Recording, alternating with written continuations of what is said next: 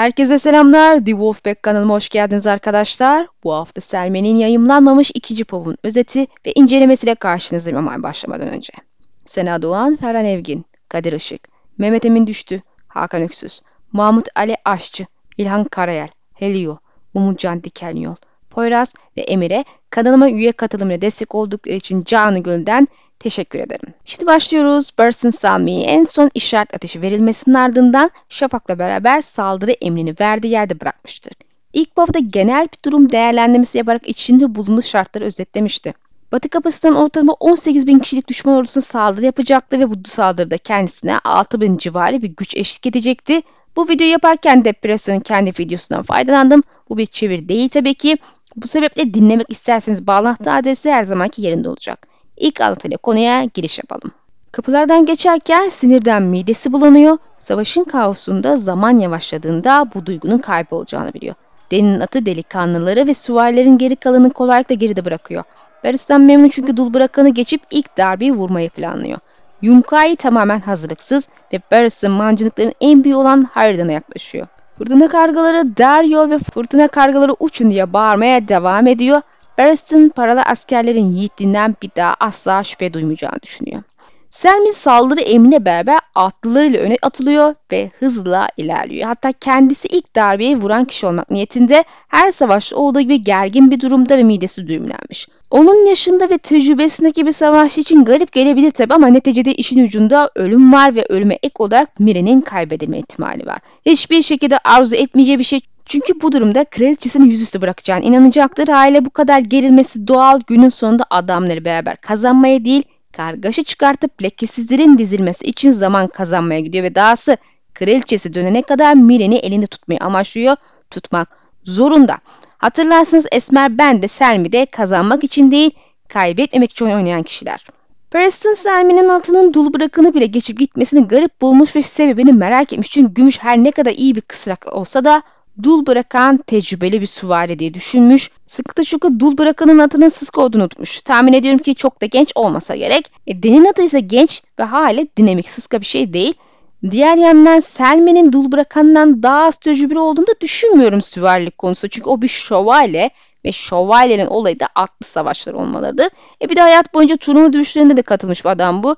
Eğer aklında yanlış kalmadıysa Jamie mızrak dövüşlerinde asıl meselenin iyi bir at sürme yeteneği olduğunu söylemişti. Bu sebeple onu geçmiş olması şaşırtıcı ve sorgulanacak bir şey değil. E diğer yandan Selmi Para askerlerin yiğitliğini sorgulamaya bırakmışa benziyor. Emin değilim tam olarak ne bekliyordu. Kapılar açılır açılmaz arkalarına dönüp kaçacaklar mıydı? E şu ana kadar sadakatle savaşlar ve yanında kaldı değil mi?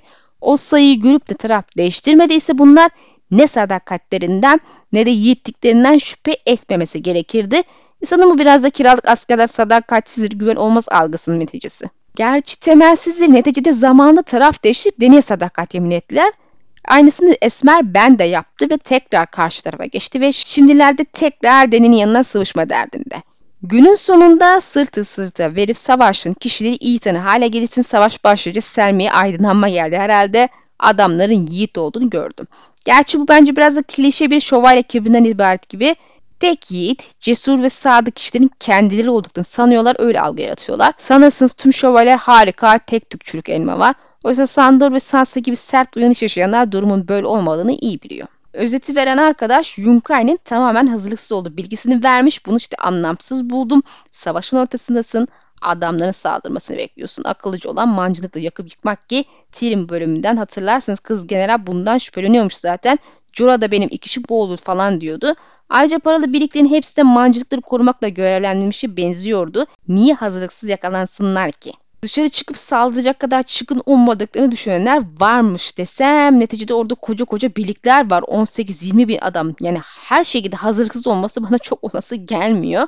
E, Preston da hazırlıksız kısmını sorgulamış ve yazarın yahut özet hazırlayanın kafası mı karıştı acaba diye merak etmiş. Herhangi bir savunma kurulunda at ile Yunkaylı birlikler arasında yalnızca 30 metre vardır. Hava oklarla doluyor. Fırtına kargalarının yaverlerinden biri öldürülür ve bir ok baristanın kalkını deler. Üç boru sesi duyuluyor ve çukur dövüşçüler arkalarındaki kapıdan çıkıyor. Gördüğünüz gibi Selmi ve adamlarını gördükleri anda hava oklarla doluyor. Hiç de hazırlıksız değiller. Fırtına kargalarından bir yaver ölüyor. isim yok. Zaten biz kaç tane yaverleri var ve isimler bilmiyoruz da. Muhtemelen kargaların sancaklarından birini taşıyan biri. Preston bunun önemli olabileceği ihtimal üstünde durmuş. Neticede bunlarla ayrıca iletişim kurmakla ilgili bir bilgi vardı. Birinci Selmi bölümünde ama ben önemli olduğunu düşünmüyorum. Burada önemli olan Selmi'nin 3 yaverin hayatta kalması çünkü geri çekilmede altında toplanılıp takip edecek iki sancağı ve geri çekilme yahut saldır gibi emir verecek boruyu onlar taşıyor. Özetle bu savaşta önem arz eden yegane 3 yaver var. Onlar da Selmi'ninkiler. Oklardan biri de Selmi'nin kalkanına geliyor. Açıkçası o kadar ok iniyor. Muhtemelen 50 deli okçu bunlar. Ve sadece bir kişi mi ölüyor? Yani birkaç ata ve kişiye denk gelmesi gerekirdi bende. Çok gerçekçi değil bu. Yine de sonuçta bu bir özet. Diğer yandan birkaç yüz metre koşup daha ilk teması bile yapmadan ok saldırıları sonrası yaver boyu üç kere öttürüp çukur dövüşçülerine işareti verince onlar da kapılardan çıkıp saldırıyor. Şimdi yayan geldikleri için onlar varana kadar biz bunlarla ilk temas yapar ve gedik açarız diye düşünmüyorsa sen mi bu kadar erken saldırı emir verilmesinde bir hata mı var yoksa özet verirken arada bir şeyler mi atlandı? Netice dedim ya bu bir özettir birebir aktarım beklemek de adil olmaz. Böylesinden çukur dövüşçülerini görmek için geriye bakıyor. Yaklaşık 200 tane var ama 2000 kişi yetecek kadar gürültü yapıyorlar. Dizlik sandalet, zincir zırh etek ve piton dışında hiçbir şey giymeyen bir kadın dikkatini çekiyor. Barristan biraz şaşıyor ve göğüslerinin zıplaması izlerken bugünün kesinlikle onun son günü olacağını düşünüyor. Çukur dövüşçüleri çoğunlukla Lorak ve Hizar ama bazıları Daenerys diye bağırıyor.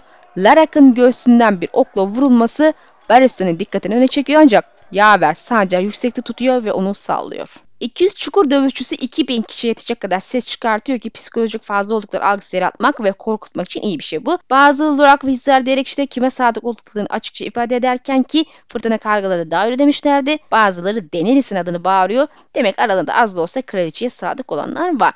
Burada önemli iki kısımdan biri dövüşçülerin sayısının 200 olması. Martin yine bir hata yapmadıysa buna en son 300 kişiydi arkadaşlar. Kont Cameron son kitapta taktik önerisini verirken artçı kuvvetleri 300 adam ile saldırmaya teklif etmişti. Birkaç adamın eksik olduğunu zaten bahsetmiş ilk videoda ama 100 tane eksik olması dikkate değer gerçekten. Savaş konseyinde olup da kendilerine katılmayan diğerleriyle bir iş mi karıştırıyorlar yahut Selmi onu başka yerde mi kullanıyor? Dikkatinizi çekerse Belfast hiçbir yerde görünmüyor, bahsedilmedi ki deneye bağlılığından şüphemiz yok onun. Selmi'nin gördüğü neredeyse cıbıldak olan ablamız da Senera dişi yılan dedikleri bir kadın. O da çukur dövüşçüsü. Onu koruyan bir şey olmadığı için şövalye kadının gidici olacağından emin görünüyor. E oklara karşı koruması oldu aşikar ama bunca yıl diğerleriyle beraber kılıç ve mızraklara karşı hayatta kalmıştı.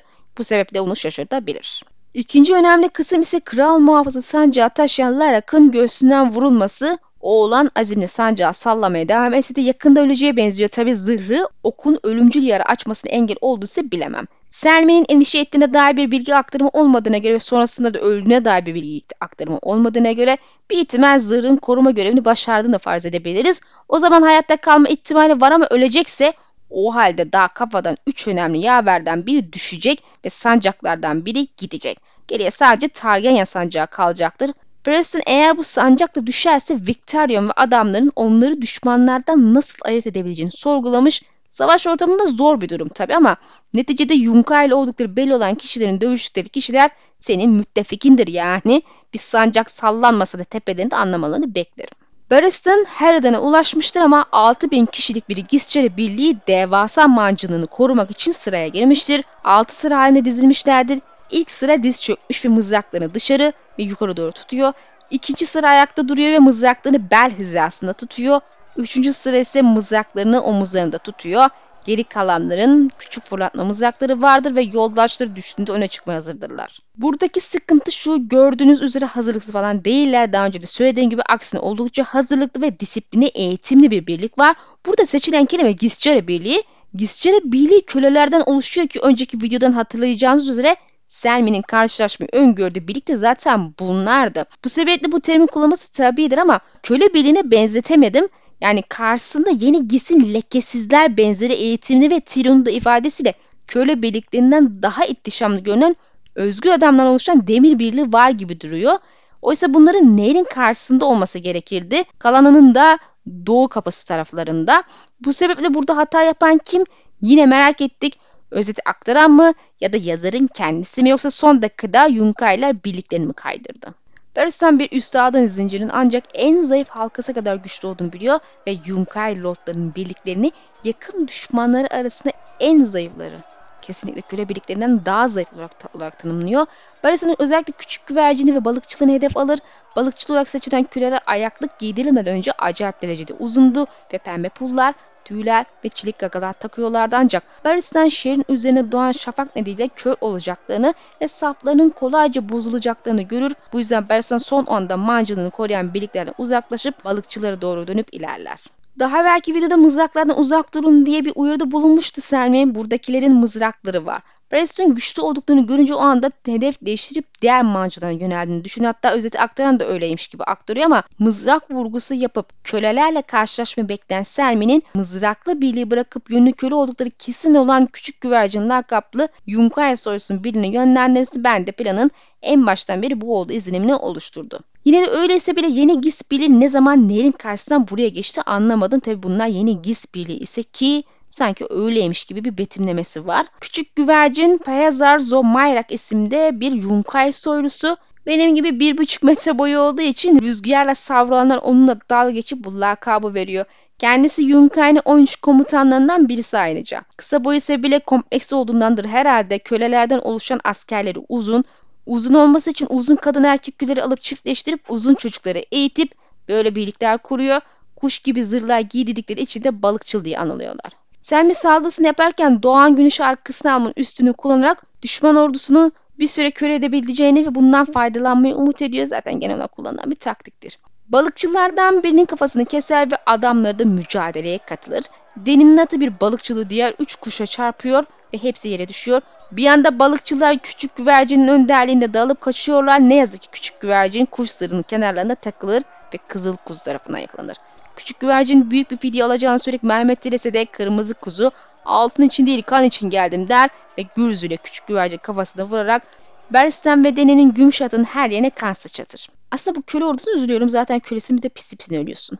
Bence yazık zavallıca. E sen bir de acımıyor hani ama bu da doğal ya öl ya da öldü durumu var. Önceki videoda vurgusunu yaptığı gibi ne olursa olsun mücadele devam etmek zorundalar.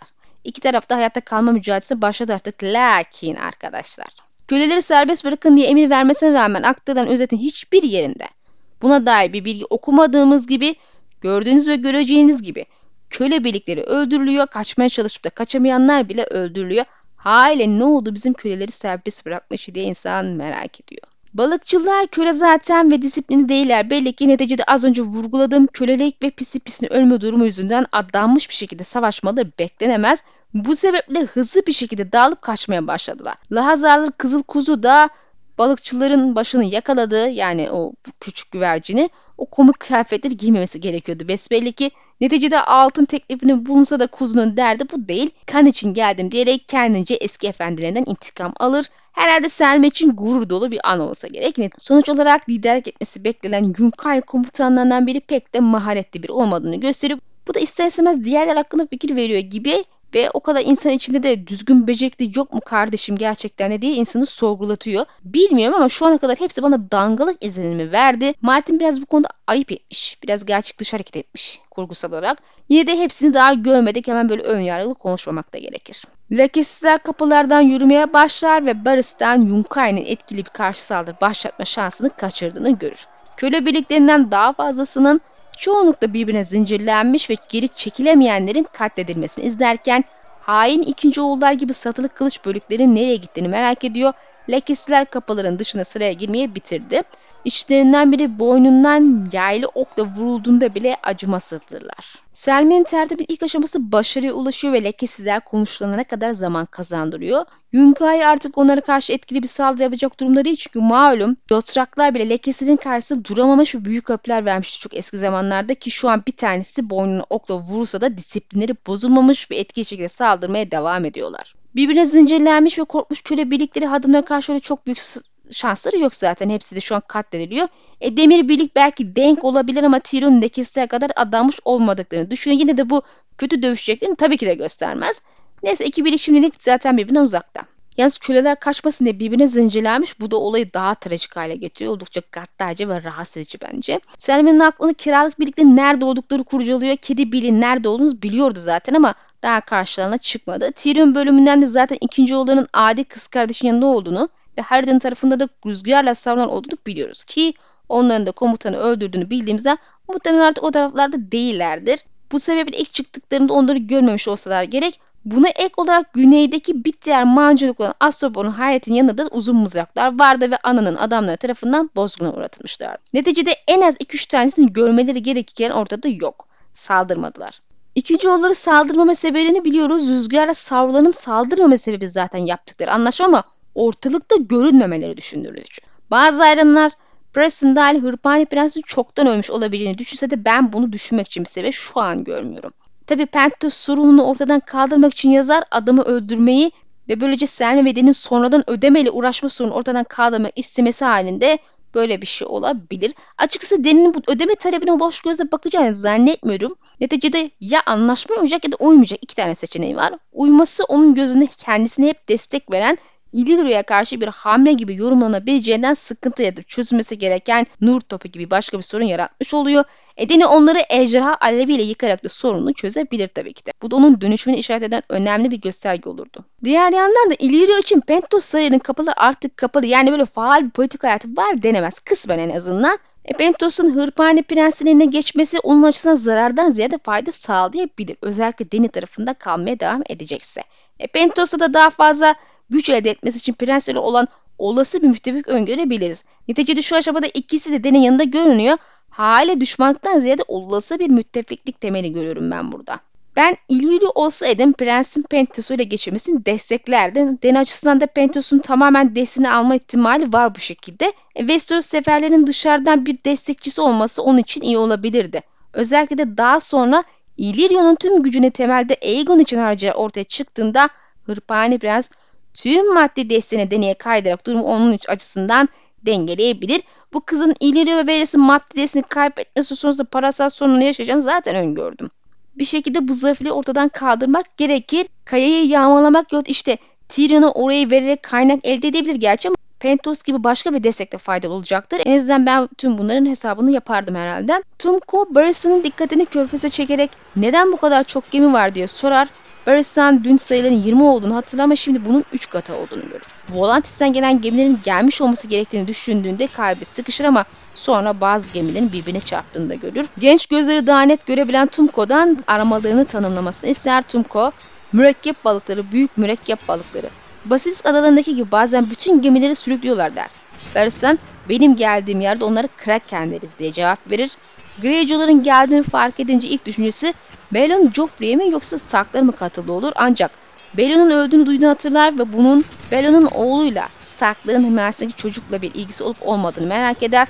Demir adamların kıyıya geldiğini ve savaştığını da görür ve şaşkınlıkla bizim tarafımızdalar der. Krallık birlikleri onu karşılamaya gelmeden çünkü zaten demir doğumlarla meşguldüler. Barristan neredeyse neşelidir. Baelor Breakspear ve Prens Megar gibi. Çekiç ve Örs bizim tarafımızdalar. Bizim. Evet, Victoria'nın önderindeki demir adamlar geldi. Zaten kısa süre öncesinde gelmişlerdi ve deniz tarzı Truva atı taktiğiyle adamlarını önden gönderdi. Muhtemelen bu ilk saldırı o. Tabii daha Volantis gemileri gelmedi. Bu daha sonrası için Victoria için de zorluk çıkartabilir ama kölelerden oluşan denizcilerin ne kadar zorlayıcı olabileceğini göreceğiz. En azından onların da köle olduğunu farz ediyorum. Neticede Volantis'i özgür adamlardan daha çok köle vardı. Zaten isyana hazır bir haldeler. Bir anda ayaklanmaya gerçekleştirip Victoria'nın içinde sorun olmaktan çıkabilirler. Hem unutmayın ki Deni'nin sağlam bir ihtiyacı var. Selmi gelenlerin Greyjoy olduğunu görünce ilk aşama daha iyi hissetmez. Çünkü Joffrey ya Stark'lara katılıp katılmadığını düşünür. Aklına Deni tarafından savaşacakları gelmez. Neticede Targaryenler ile ne işi olur ki Greyjoy'ların? Buraya kadar gelmişlerse Deni'yi öldürmek ve tehdidi Westeros'a gelmeden önce yok etmek için olabilir anca diye düşünmüş olabilir o kısanda. E, Bellon'un ittifak yaptığını düşünür ama sonra onun öldüğünü duyduğunu hatırlar. Oğlu Theon'un babasının yerine geçmiş olabileceğini düşünür ki demektir ki Stark'ların parmağı olduğunu düşünüyor o an. Besbelli ki son gelişmelerden de çok haberi yok bu adamın. Bella'nın öldüğünü duyması bile şaşırtıcı zaten. Tabi hemen akabinde onların düşmanlarıyla çarpışmaya başladığını görür ve sonunda idrak eder. Greyjoy'lar kendi yanlarında savaşmaya gelmiştir. Bu sebeple şu ana kadar hiçbir kiralık birlik karşına çıkmadı diye düşünüyor kedi birliği bu sebeple karşısına çıkmamış olabilir en azından. Sonuç olarak Selmi bu durum karşısında neşelenir ve morali yükselir muhtemelen umudu yükseldi çünkü önceden şüpheleri vardı. Daha önemlisi kaybetmek için oynuyordu. Belki artık kazanmak için oynamayı düşünebilir. Baelor ve Maker'ın çekiç ve öz meselesi hemen açıkladığını bilmeyenler için İyi Kral 2. Darion'un oğlu ve varisi Baelor ile küçük oğlu Maegor'un ilk Blackfire isyanı sırasında Kızıl Çimen Savaşı'nda birlikte Daemon'a karşı uyguladığı bir savaş taktiği bu. Aslında çekiç ve örs taktiğini size önceki videoda anlatmıştım. Baelor Doğu'nun mızrakçılarını çekiç olarak kullanıp isyancı ordusunun arkasından yönlendirdi ve onları örs olarak nitelendirilen Maegor'un kalkan duvarına yapıştırdı. Neticede çekiç ve örs arasında isyancı ordusu parçalandı ve bu savaşta Daemon ile iki oğulları da öldürüldü. Bu olay da Çekiç ve Örs isimli bir şarkıyla anlatıldı geldi. Zaten Selmi de bu taktik kullanıyordu ama kısmen daha küçük ölçekte. Şimdi demir doğumlar da gelince olay daha geniş ölçeğe taşındı. Batı kapısındaki tüm düşman ordusu şimdi Çekiç ve Örs arasında ezilebilir. Elbette ki düşman ordusu batı kapısında geldi sınırı değil bunu da unutmamak gerekiyor. Daha doğu kapısında bekleyen birlikler, develer ve filler de var. Onlar da köle değil demir birliklerden oluşan yeni GIS askerleri. Bir de her ne kadar kafamız karışsa da nehrin karşısında yeni GIS birlikleri olması gerekiyor. Tabi ondan gece vakti batı kapısına kaydırılmadıysa buna ek olarak Jostraklar da var Yunkar saflarında savaşan. Bir ihtimal nehrin karşısında yok belki de doğu kapısı tarafında da olabilirler. Konumları net değil ama nehrin karşısında olma ihtimali daha olası çünkü o bölge ayrıca Dotrak denizine açılıyor. Hali oradan gelip nehrin dibine kap kurmaları daha mantıklı. Bölüm sonu heyecanlı bir yerde noktalanıyor ve biz devamını ancak yeni kitap yayınlandığı zaman okuyabileceğiz. İnşallah genel olarak beğenmişsinizdir ve keyifli zaman geçirmişsinizdir. Kanalıma destek olmak için videoyu paylaşmayı, beğeniye basmayı ve yorum yapmayı lütfen ihmal etmeyin. Bir sonraki videoda görüşmek dileğiyle Allah'a emanet olun.